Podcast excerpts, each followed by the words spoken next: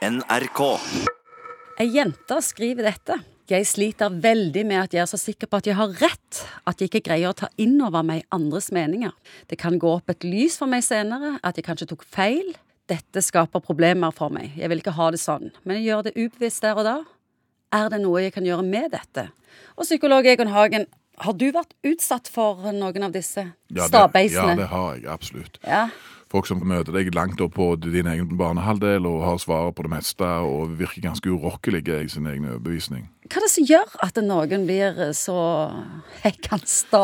Det er jo sånn igjen sånn eh, to sider av mynten, kan du si. Men noen ganger sier vi at sta er et vanskelig ord, men viljestyrke, det liker vi jo. For det, Ja. det handler liksom om karakterfasthet og Ja, det handler jo om ikke gi opp. Du gi opp, gir deg ikke. Nei, ikke sant? Og, og klart at enten det er Amundsen eller andre polfarere, altså du må ha et element av stahet for å stå opp hver morgen, gå i våte klær i minus 40, Eh, eller du må være, ha en sterk viljestyrke.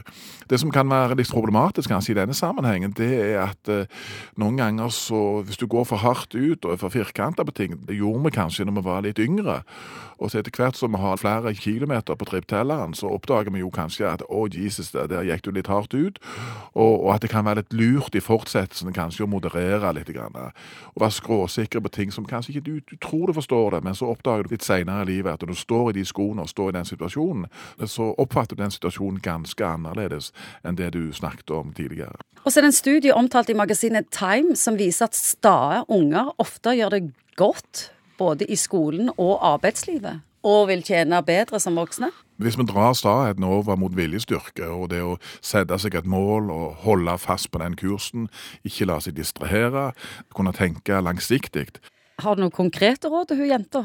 Hva kan gjøre med dette? Ja, ta, tenk deg om før du kjenner at nå kommer jeg i en sånn situasjon igjen hvor jeg er skråsikker og argumenterer veldig sterkt for ting og stenger litt av i forhold til den inngående kanalen, at du bare liksom mesjer på din egen overbevisning, så kan du prøve å ta deg litt i det. Kan du prøve å formulere deg litt annerledes? Bli litt rundere i formuleringen, sånn at det ikke kommer ut så krast.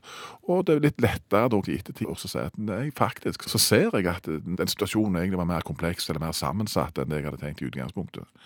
Og så er det jo noe med at hvis du er veldig sta, så oppdager du sikkert òg at folk syns det er litt, blir litt oppgitt for å diskutere med deg, for du greier jo at du vil jo aldri innrømme noe uansett. Og greier ikke ta en andre sine Perspektiver, og det er en, sånn, en, en boktittel som jeg har hørt en gang, som heter 'Å leve et liv, ikke vinne en krig'.